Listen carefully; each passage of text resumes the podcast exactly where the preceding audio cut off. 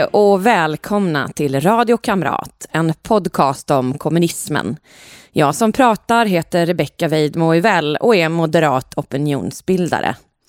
Jag är även kandidat till riksdagen för Moderaterna i Stockholms stad. Vill du se mig i riksdagen och bor i Stockholms stad? Gå med i Moderaterna och kryssa mig i höstens provval för medlemmarna. Jag måste kryssa mig in på plats 1-7 för att ha en chans. Syftet med Radio Kamrat är att fylla det hål av kunskap om kommunismens förtryck som finns och som gör att kommunister trots all fakta ändå anses rumsrena. Jag vill med poddserien därför folkbilda och kommer sända varje onsdag till valet 2022. Vill ni som stödjer mitt initiativ om folkbildning om kommunism bidra kan ni swisha till 123 444 5847. 123 444 5847 eller bli Patreon på patreon.com och sök efter Rebecca Weidmo så hittar ni mig där. Sponsra med en dollar per månad eller valfritt belopp. Ett land som kanske mest av allt förknippas med ett krig som skildrats i otaliga filmer och som västerländska studenter enades kring att protestera mot. Och ett land som fortfarande är en kommunistisk diktatur som förtrycker sin befolkning. Idag åker vi till Vietnam.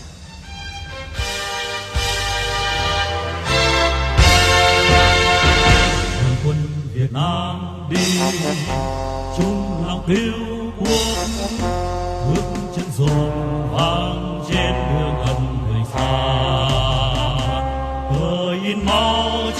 subscribe đi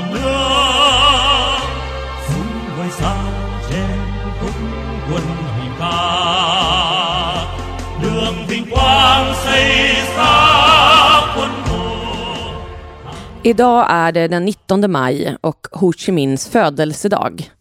Han föddes som Ngung Sin Kung den 19 maj 1890 i byn Wang Tru.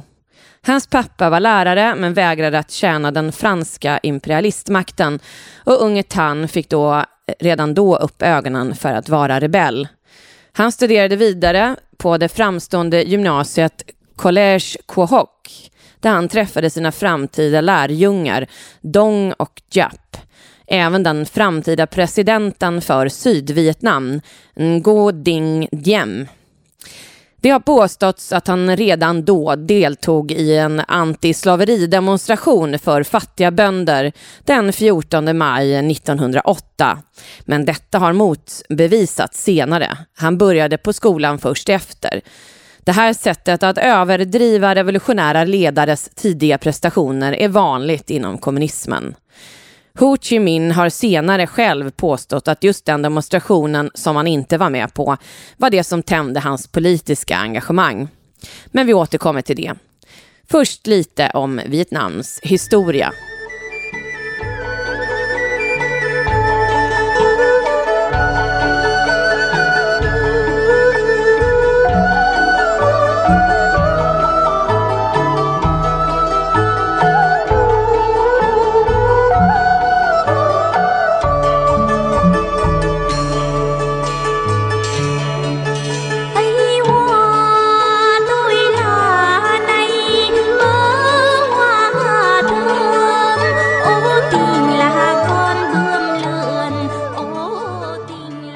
Precis som nästan alla kommunistiska länder var landet inte demokratiskt och fritt ens innan de koloniserades av väst. Innan Frankrike tog Vietnam styrdes landet sedan hundratals år av olika dynastier med envåldshärskare. Dessa tog i sin tur mer och mer land i anspråk genom krigföring och annektering, det som sedan blev dagens Vietnam.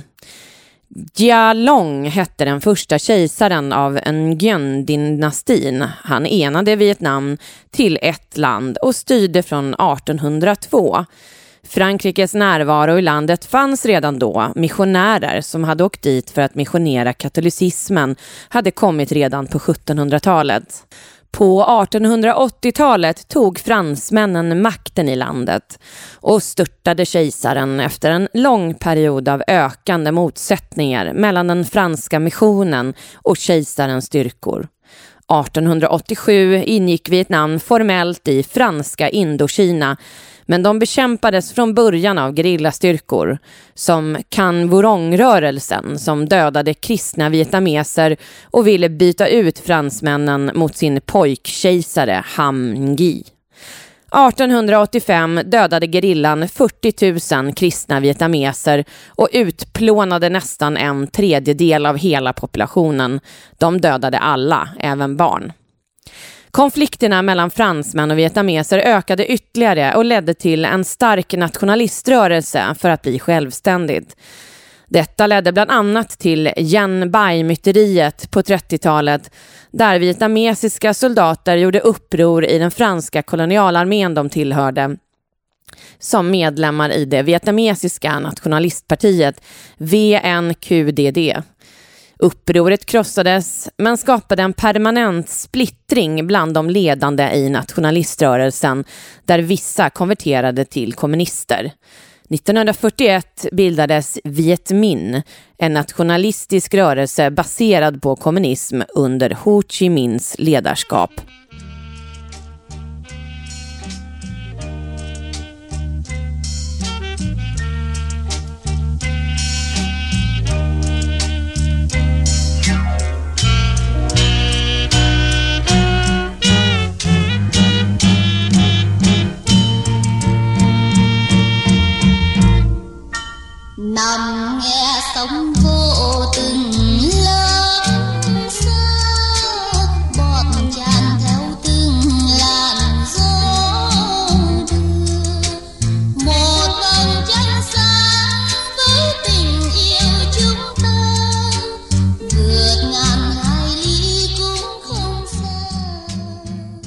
Chi Minh ville se världen som student och 1911 mönstrade han därför på ångaren Amiral de la Touche Treveille till Marseille i Frankrike. Han arbetade som kökshjälp och 1912 kom han till New York och man tror att han bodde i New York 1912 till 1913. Han påstod att han arbetade på ett flertal ställen där men det finns få eller inga bevis på att han bodde länge i USA. Mellan 1913 och 1919 påstår han också att han bodde i England på olika ställen. Och mellan 1919 och 1923 bodde han i Frankrike och blev där intresserad av politik på riktigt. Resandet gjorde att han bland annat lärde sig flytande engelska och franska. I Paris gick han med i en grupp för patriotiska vietnameser Gruppen hade redan innan han kom till landet skrivit artiklar under pseudonym i tidningar för frihet i Vietnam och propagerade för bolsjevism. De försökte få de franska socialisterna att gå med i Lenins Komintern. 1920 blev Ho Chi Minh representant på Torkongressen där han röstade för att partiet skulle gå med i tredje internationalen och han blev en av grundarna av det franska kommunistpartiet. 1923 lämnade han Paris för att resa till Moskva på ett falskpass för en kinesisk affärsman. Där anställdes han av Komintern, studerade på det kommunistiska universitetet och deltog på den femte Kominternkongressen 1924 innan han anlände till kinesiska Guangzhou i november 1924. Efter den kinesiska nationalistledaren Chiang Kai-sheks antikommunistkupp 1927 återvänder han till Moskva men kom tillbaka till Asien 1928 när han bosatte sig i Bangkok i Thailand, Vietnams grannland. 1930 försökte han i Hongkong ena de två kommunistiska partier som fanns i Vietnam genom möten med representanter för partiet men arresterades 1931 av brittiska myndigheter som ville deportera honom till Vietnam. Men med hjälp av en brittisk socialistisk advokat lyckades han bli fri. Han klädde då ut sig till kinesisk soldat och reste med båt till Shanghai för att fortsätta till Moskva där han fortsatte studera på Leninuniversitetet. 1938 arbetade han i Kina som senior rådgivare åt de kommunistiska styrkorna och åt Komintern som ansvarig för Asien. Han kom tillbaka till Vietnam först 1941 då han blev ledare för Viet Minh. Då hade Japan ockuperat även Vietnam under andra världskriget. Precis som på andra ställen uppstod här ett gyllene tillfälle för kommunisterna att ta makten med våld när makten var upptagen att bekämpa en yttre fiende.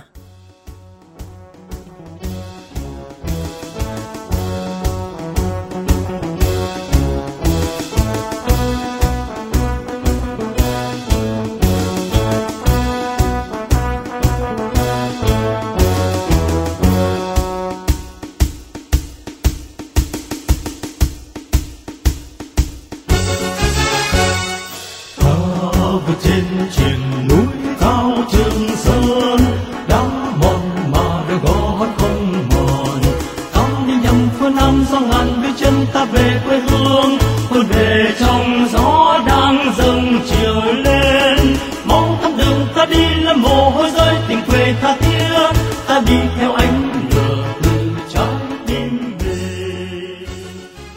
Chi Minh organiserade en 10 000 man stark gerillagrupp som kallades Black Men som samarbetade med Viet Minh och lyckades framgångsrikt attackera fransmännen och japanerna under andra världskriget. 1943 blev han dock arresterad av Chiang Kai-sheks styrkor men fritogs av kinesiska kommunister. Det var under den här tiden han tog namnet som vi känner honom under, Ho Chi Minh, som kombinerar det vietnamesiska namnet Ho med orden för Bright Spirit eller Clear Will. 1945 mötte han den amerikanska underrättelsetjänsten OSS representant Archimedes Patty för att erbjuda honom information. Amerikanerna bekämpade japanerna under andra världskriget och hade intresse av det, vilket Ho Chi Minh utnyttjade. OSS skickade sedan hjälp att träna hans styrkor och det här ledde fram till augustirevolutionen. När japanerna erkände sig besegrade den 15 augusti 1945 tog kommunisterna chansen de förberett så länge och folkets revolutionära kommittéer de byggt upp på landsbygden tog direkt makten i byar och städer. Morgonen den 19 augusti 1945 tog Ho Chi Minh kontrollen över Hanoi.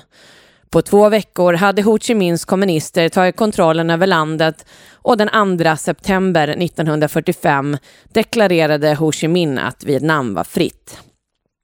Fritt från Frankrike alltså, men Viet Minh tänkte etablera sin egen regim, Demokratiska republiken Vietnam. Tất cả mọi người đều sinh ra có quyền bình đẳng, tạo hóa cho họ những quyền không ai có thể xâm phạm được. Trong những quyền ấy có quyền được sống, quyền tự do và quyền mưu cầu hạnh phúc. Det ni precis hörde var en autentisk inspelning från just det talet, därav ljudkvaliteten. Som alla kommunistiska ledare inledde han med att fånga in och spärra in alla oppositionella. 1946 arresterades 2500 antikommunister och 6 000 andra hann fly. Hundratals politiska motståndare sattes direkt i fängelse eller skickades i exil, bland annat medlemmar från nationalistpartiet. Sen förbjöd han alla politiska partier förutom kommunistiska partiet. Men det gick ändå inte så lätt. Eh, för snart kom 200 000 kineser under ledning av Chiang Kai-shek och knackade på i september 1946. Nationalisten kämpade ju mot kommunister i Kina och tänkte inte stå sig på när Vietnam blev kommunistiskt. Ho Chi Minh fick välja mellan kineser och fransmän och valde att sluta ett avtal med Frankrike att Vietnam erkändes som en autonom stat i franska Indokina. Ett citat som tillskrivits honom men som inte kan verifieras är I would rather smell French shit for five years than eat Chinese shit for a thousand.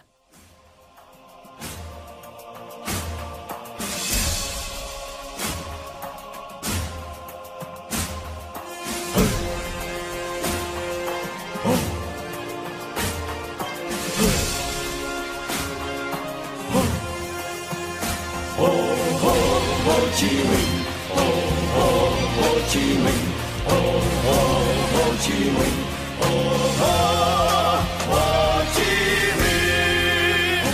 miền biển xa người đi khắp phương trời. Ở nơi xa đó người dân đói nghèo từ đau thương người đi khắp năm châu lòng tin mặt trời chân lý sáng soi. Soi chiếu sáng dân mình Oh, oh, Hồ Chí Minh, oh, oh, Hồ Chí Minh, oh, oh, Ho Chi Minh. Viet Minh samarbetade sen med fransmännen för att massakrera vietnamesiska nationalister och trotskister. Men konflikterna mellan kommunisterna och fransmännen ledde fram till det första indokinesiska kriget som Frankrike 1954 när Ho Chi Minh fått hjälp av Komintern och både Stalin och Mao eh, kom överens med kommunisterna skulle omgruppera sig till Nordvietnam medan antikommunisterna tog södern enligt Genèveöverenskommelsen 1954. Då fick även Sydvietnam stöd av USA som ansåg att det var viktigt geografiskt för dem. Ngo Dinh Diem, som Ho Chi Minh studerade med på gymnasiet i Hanoi, blev tillfällig ledare över syd när Indokina upplöstes 1955 och fransmännen lämnade.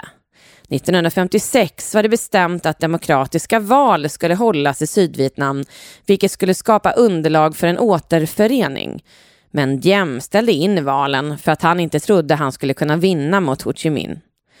Det första året var gränserna mellan regionerna öppna och 800 000 till en miljon valde att lämna nord för att bosätta sig i syd. Det kommunistiska paradiset lockade inte. Givetvis lanserade även Ho Chi Minh en landreform enligt stalinistisk modell. Mellan 1953 och 1956 genomfördes denna och vittnen har rapporterat att en avrättning per varje 160 invånare i byarna genomfördes under den här tiden, motsvarande 100 000 avrättningar. Men kommunisterna var inte nöjda. De ville ha hela landet och redan 1956 lanserades planer på att invadera Sydvietnam.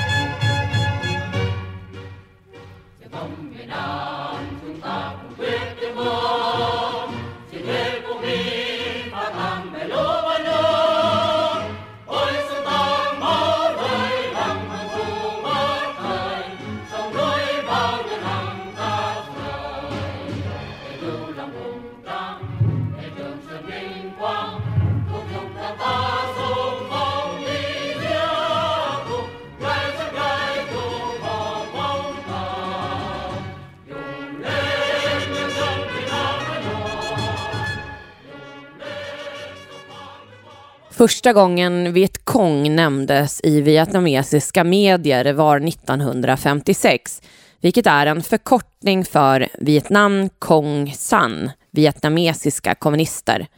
Det var en kommunistisk gerillagrupp som formerades i Sydvietnam. När Ho Chi Minh och fransmännen kom överens flyttade 90 000 kommunister till nord medan 5 10 000 bodde kvar i Sydvietnam.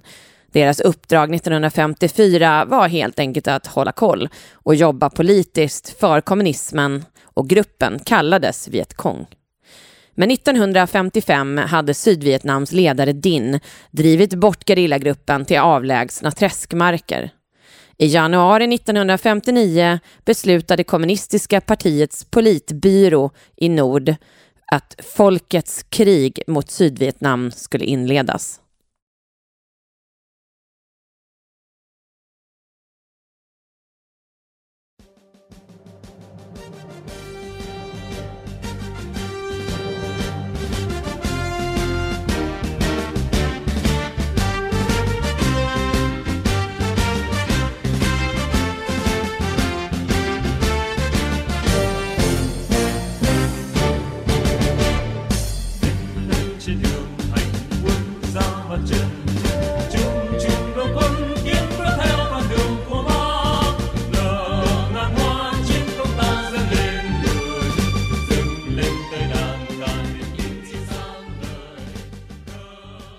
En grupp man döpte till 559 etablerades för att förbereda invasionen. Ho Chi Minh hade redan innan han fick makten etablerat vägar från Nordvietnam till Sydvietnam genom djungeln och bergen i Laos och Kambodja och Grupp 559 byggde vidare på det. De skulle transportera krigsmateriel inklusive vapen från nord till syd. De första amerikaner som stupade i kriget dödades vid den kambodjanska gränsen när Vietkong dödade två militära rådgivare som var stationerade i en gränsstad. Mellan 1961 och 1963 infiltrerade 40 000 kommunistiska soldater Sydvietnam. 1960 valdes Kennedy till president i USA och han ärvde kalla kriget från Eisenhower. Han ville initialt inte skicka trupper till Vietnam utan förlitade sig på att Diem skulle lösa det själv. Men det gick dåligt. Man var för dåligt utrustad, hade för dålig organisation och för dåliga vapen. Kennedy sköts 1963 och Lyndon B Johnson tog över och inledde Vietnamkriget efter att USS Maddox blivit beskjutna. Kongressen antog då resolutionen Gulf of Tonkin och en serie luftangrepp mot Nordvietnam inleddes. Uh, means that the Vietnamese people must accept American conditions. These conditions are American imperialism will cling to South Vietnam, carry on the policy of aggression, and refused to recognize the South Vietnam National Front for Liberation as the sole real representative of the people of South Vietnam. Those are conditions Här hörde ni ett exempel på hur bra engelska Uncle Ho, som han också kallas, pratade. I mars 1965 landsattes den första amerikanska gruppen. 3 500 amerikanska soldater gick i land i Danang. Avsläppna av amerikanska marinen och Vietnamkriget var i full gång.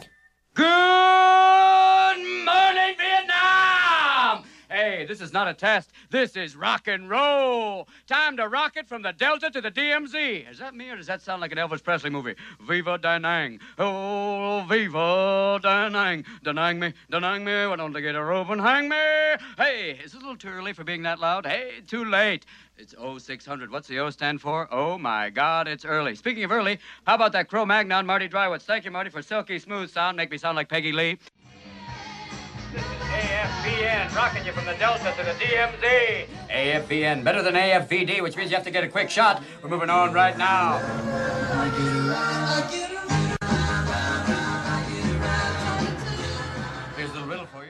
Vietnamkriget varade officiellt mellan den 1 november 1955 och den 30 april 1975, totalt nästan 20 år även om kriget inte blev riktigt intensivt förrän 1965. Under det året skickade USA 200 000 soldater till Vietnam. Det första stora slaget var vid La Drang som slutade oavgjort. Efter det skickades ännu fler soldater och vid 1968 hade USA skickat 500 000.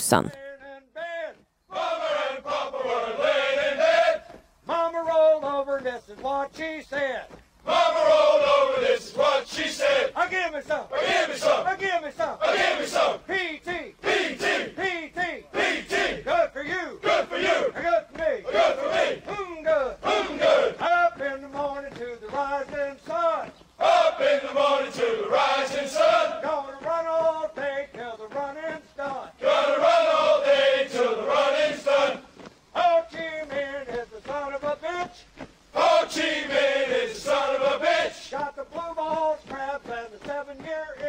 I februari 1968 inledde FNL TET-intensiven som initialt var framgångsrik, men FNL tros ha förlorat 300 000 totalt.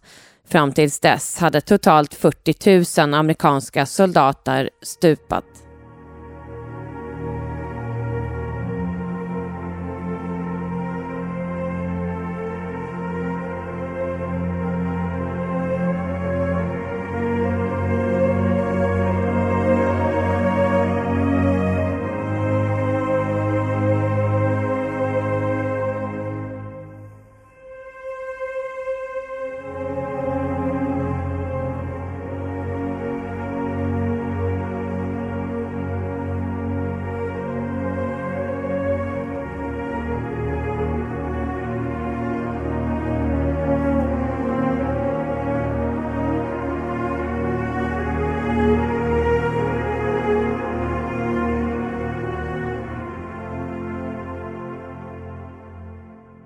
Som jag nämnde inledningsvis har det gjorts mängder med filmer om Vietnamkriget och ni har hört klipp från några av dem. Good Morning Vietnam, Full Metal Jacket och den senaste var från Plutonen.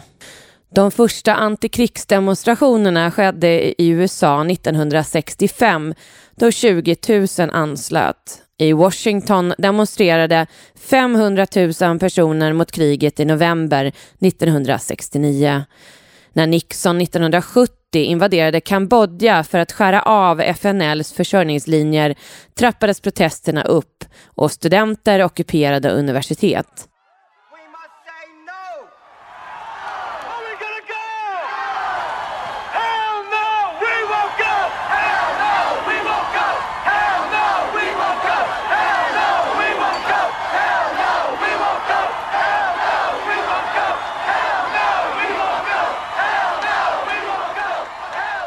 Den 30 april 1975 var kriget över.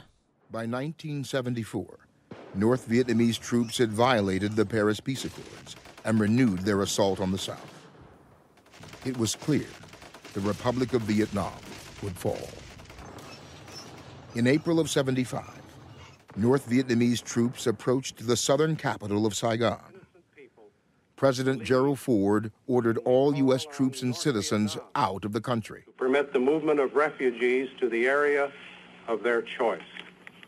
And on April 29th, Armed Forces Radio began playing White Christmas to signal an evacuation was underway.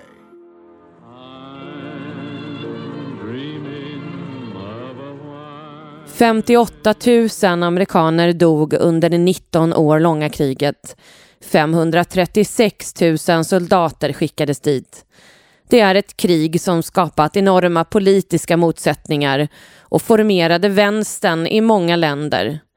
Det är en hel generation amerikaner påverkades och många människor i västerländska demokratier hittade sitt politiska engagemang.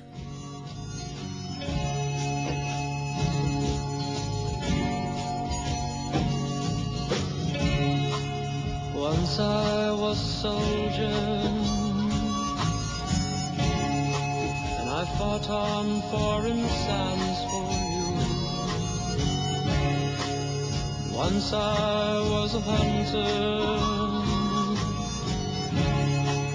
And I brought home fresh meat for you Once I was a lover and I searched behind your eyes for you.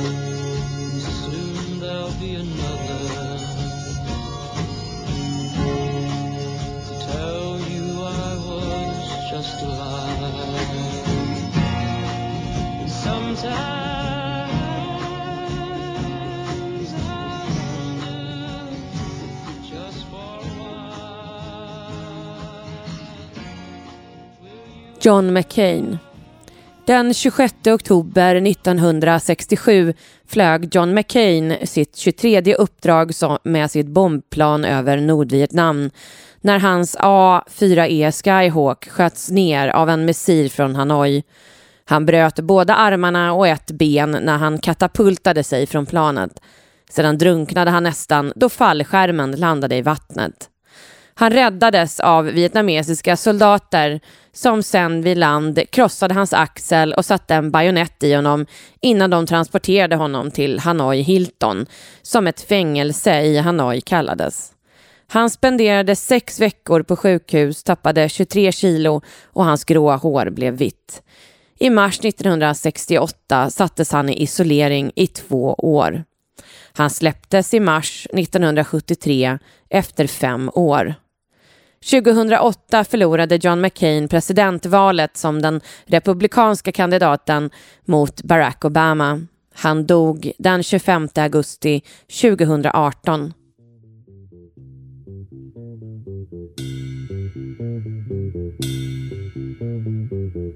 In this dirty old part of the city where the sun refused to shine People tell me there ain't no use in trying. Now, my girl, you're so young and pretty. And one thing I know is true you'll be dead before your time is due. I know. Watch my dad.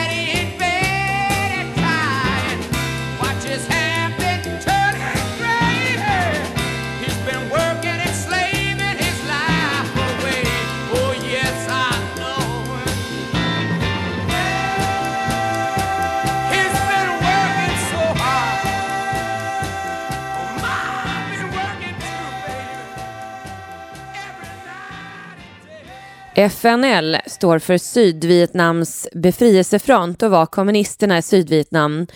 De återinstallerade ett fängelse från kolonialtiden för politiska och krigsfångar på ön Kon Song 1960.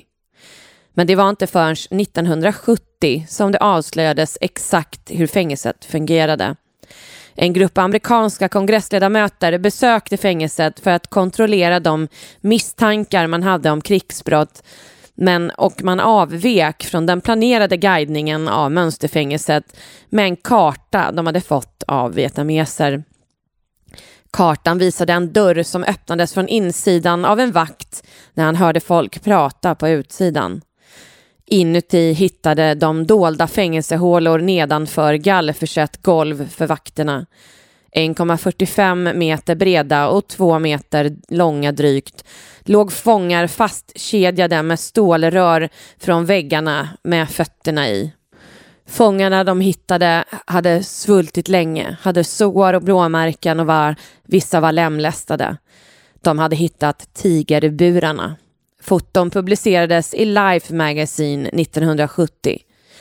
En annan variant av tigerburarna fanns i fängelset Pukok där låga burar höll fångar som inte ens kunde sitta upp. De fanns utomhus och torterade fångar genom att utsätta dem för brännande sol på dagarna och kylan på nätterna och tvinga dem sitta och ligga i otroligt obekväma lägen.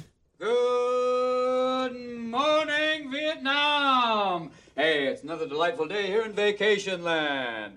Everybody, time to get up, get up wherever you are. That's right. Rise and shine, rise and shine. Got some songs going out right now to a couple of guys on the road to Natrang. You know what I'm talking about. Hey, Mr. O'Malley, O'Malley, you know, the Irish Dolby twins. They're out there. Special song going out to you right now. I see trees of green, red roses too.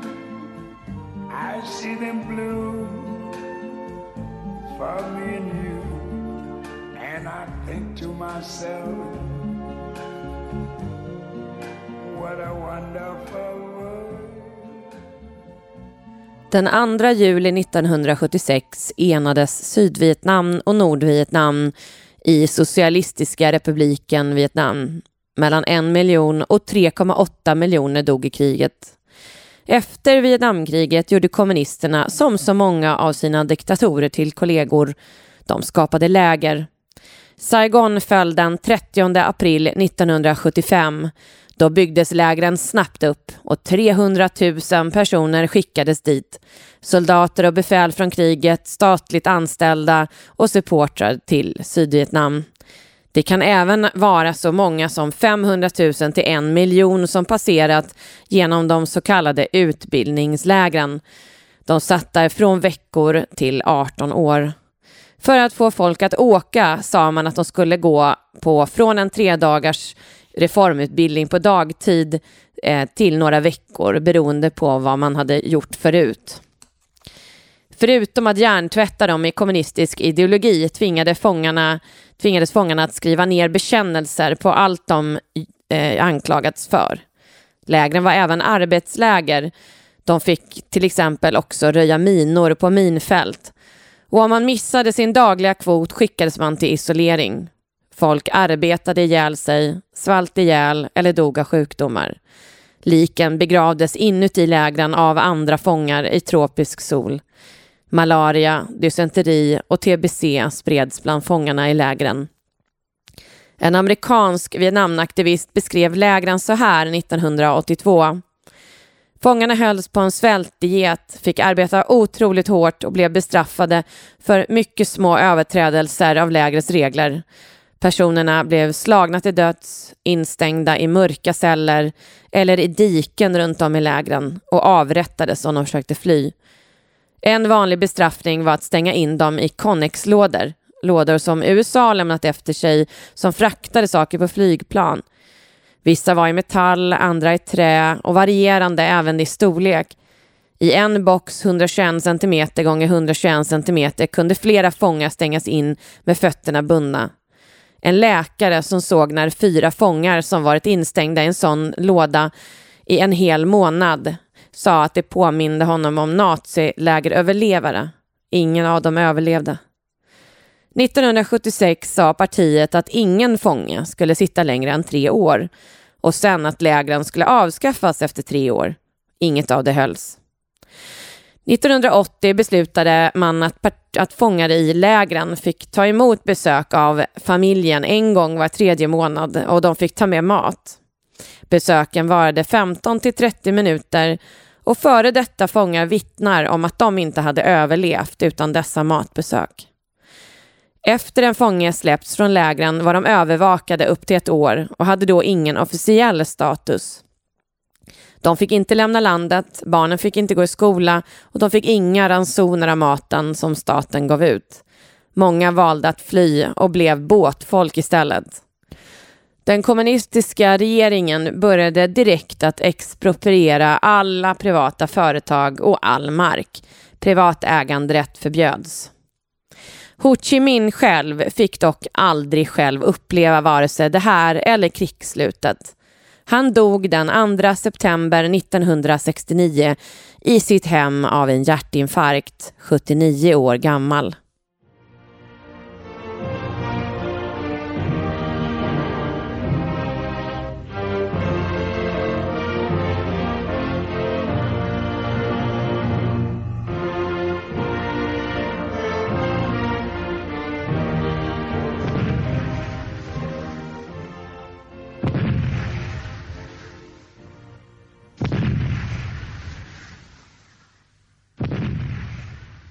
När Vietnam invaderade Mao-stödda Pol Pot-regimen 1978 för att de röda khmererna hade dödat vietnameser i gränsstäderna och de avsatte khmererna började de få mer bidrag från Sovjet, vilket de behövde för att klara ekonomin. Kina tog sin hand ifrån dem för de hade stöttat Pol Pot. Redan innan järnridån föll beslutade de vietnamesiska kommunisterna att reformera landet när 71-åriga Nguyen Van Linh valdes 1986. Redan 1980 var landet i så dåligt ekonomiskt skick att man tvingades importera ris för att kunna försörja befolkningen. Han lyckades få bort landet från planekonomi till en socialistorienterad marknadsekonomi Kollektivjordbruken avskaffades. Idag är det tillåtet att äga mindre företag och mark medan staten kontrollerar det mesta annat. Reformerna har, som på alla ställen som infört marknadsekonomi, fått ekonomin att blomstra och idag är Vietnam världens tredje största exportör av ris. Landet har 95 miljoner invånare. Givetvis är Sverige, som stöttat alla de stora kommunistiska diktaturerna, en av landets största biståndsgivare.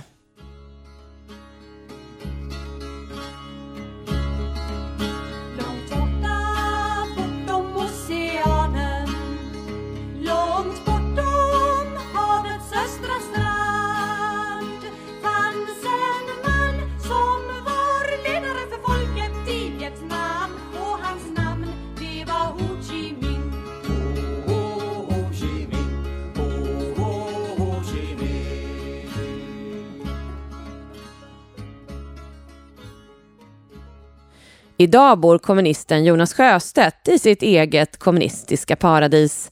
När han avgick 2021 som partiledare för Vänsterpartiet, som när han gick med hette Kommunisterna och skickade grattistelegram till personer som Kim Jong-Il, flyttade han till sin fru som är ambassadör i Vietnam. Idag heter ledaren för diktaturen Vietnam Nguyen Xuan Phuc. Kommunister har aldrig gillat vare sig demokrati eller yttrandefrihet och det gör inte kommunisterna i Vietnam heller. Landet är i nivå med Nordkorea och Kina vad gäller förföljelse av oppositionella och folk som vill göra sin röst hörd. Myndigheter försöker stänga hemsidor, de utsätter journalister eh, för förföljelse som måste flytta hela tiden. De blir sagna av polisen och fängslade. Jag har själv varit i Vietnam som turist och den militära närvaron är slående. Överallt ser man uniformerad personal med synliga k-pister som tillrättavisar olämpligt beteende offentligt.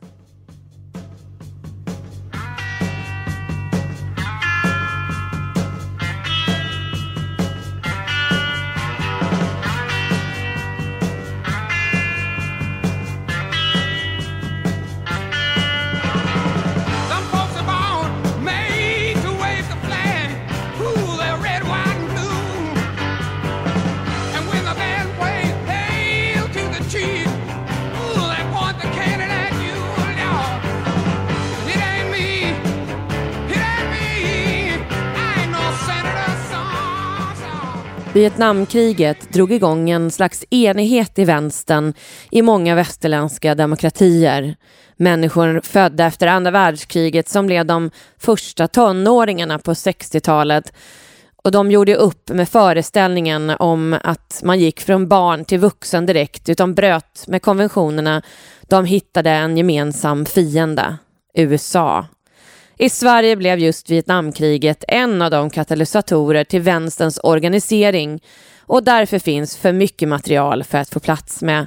Det kommer istället i nästa vecka. Missa inte det. Nu återstår bara att tacka för att ni har lyssnat. Vill ni stödja mitt projekt för upplysning om kommunism? Swisha till 123 444 5847 eller bli Patreon på patreon.com och sök efter Rebecca Weidmo Uvell. Ni kan välja valfritt belopp från 8 kronor per månad. Tack och på återseende!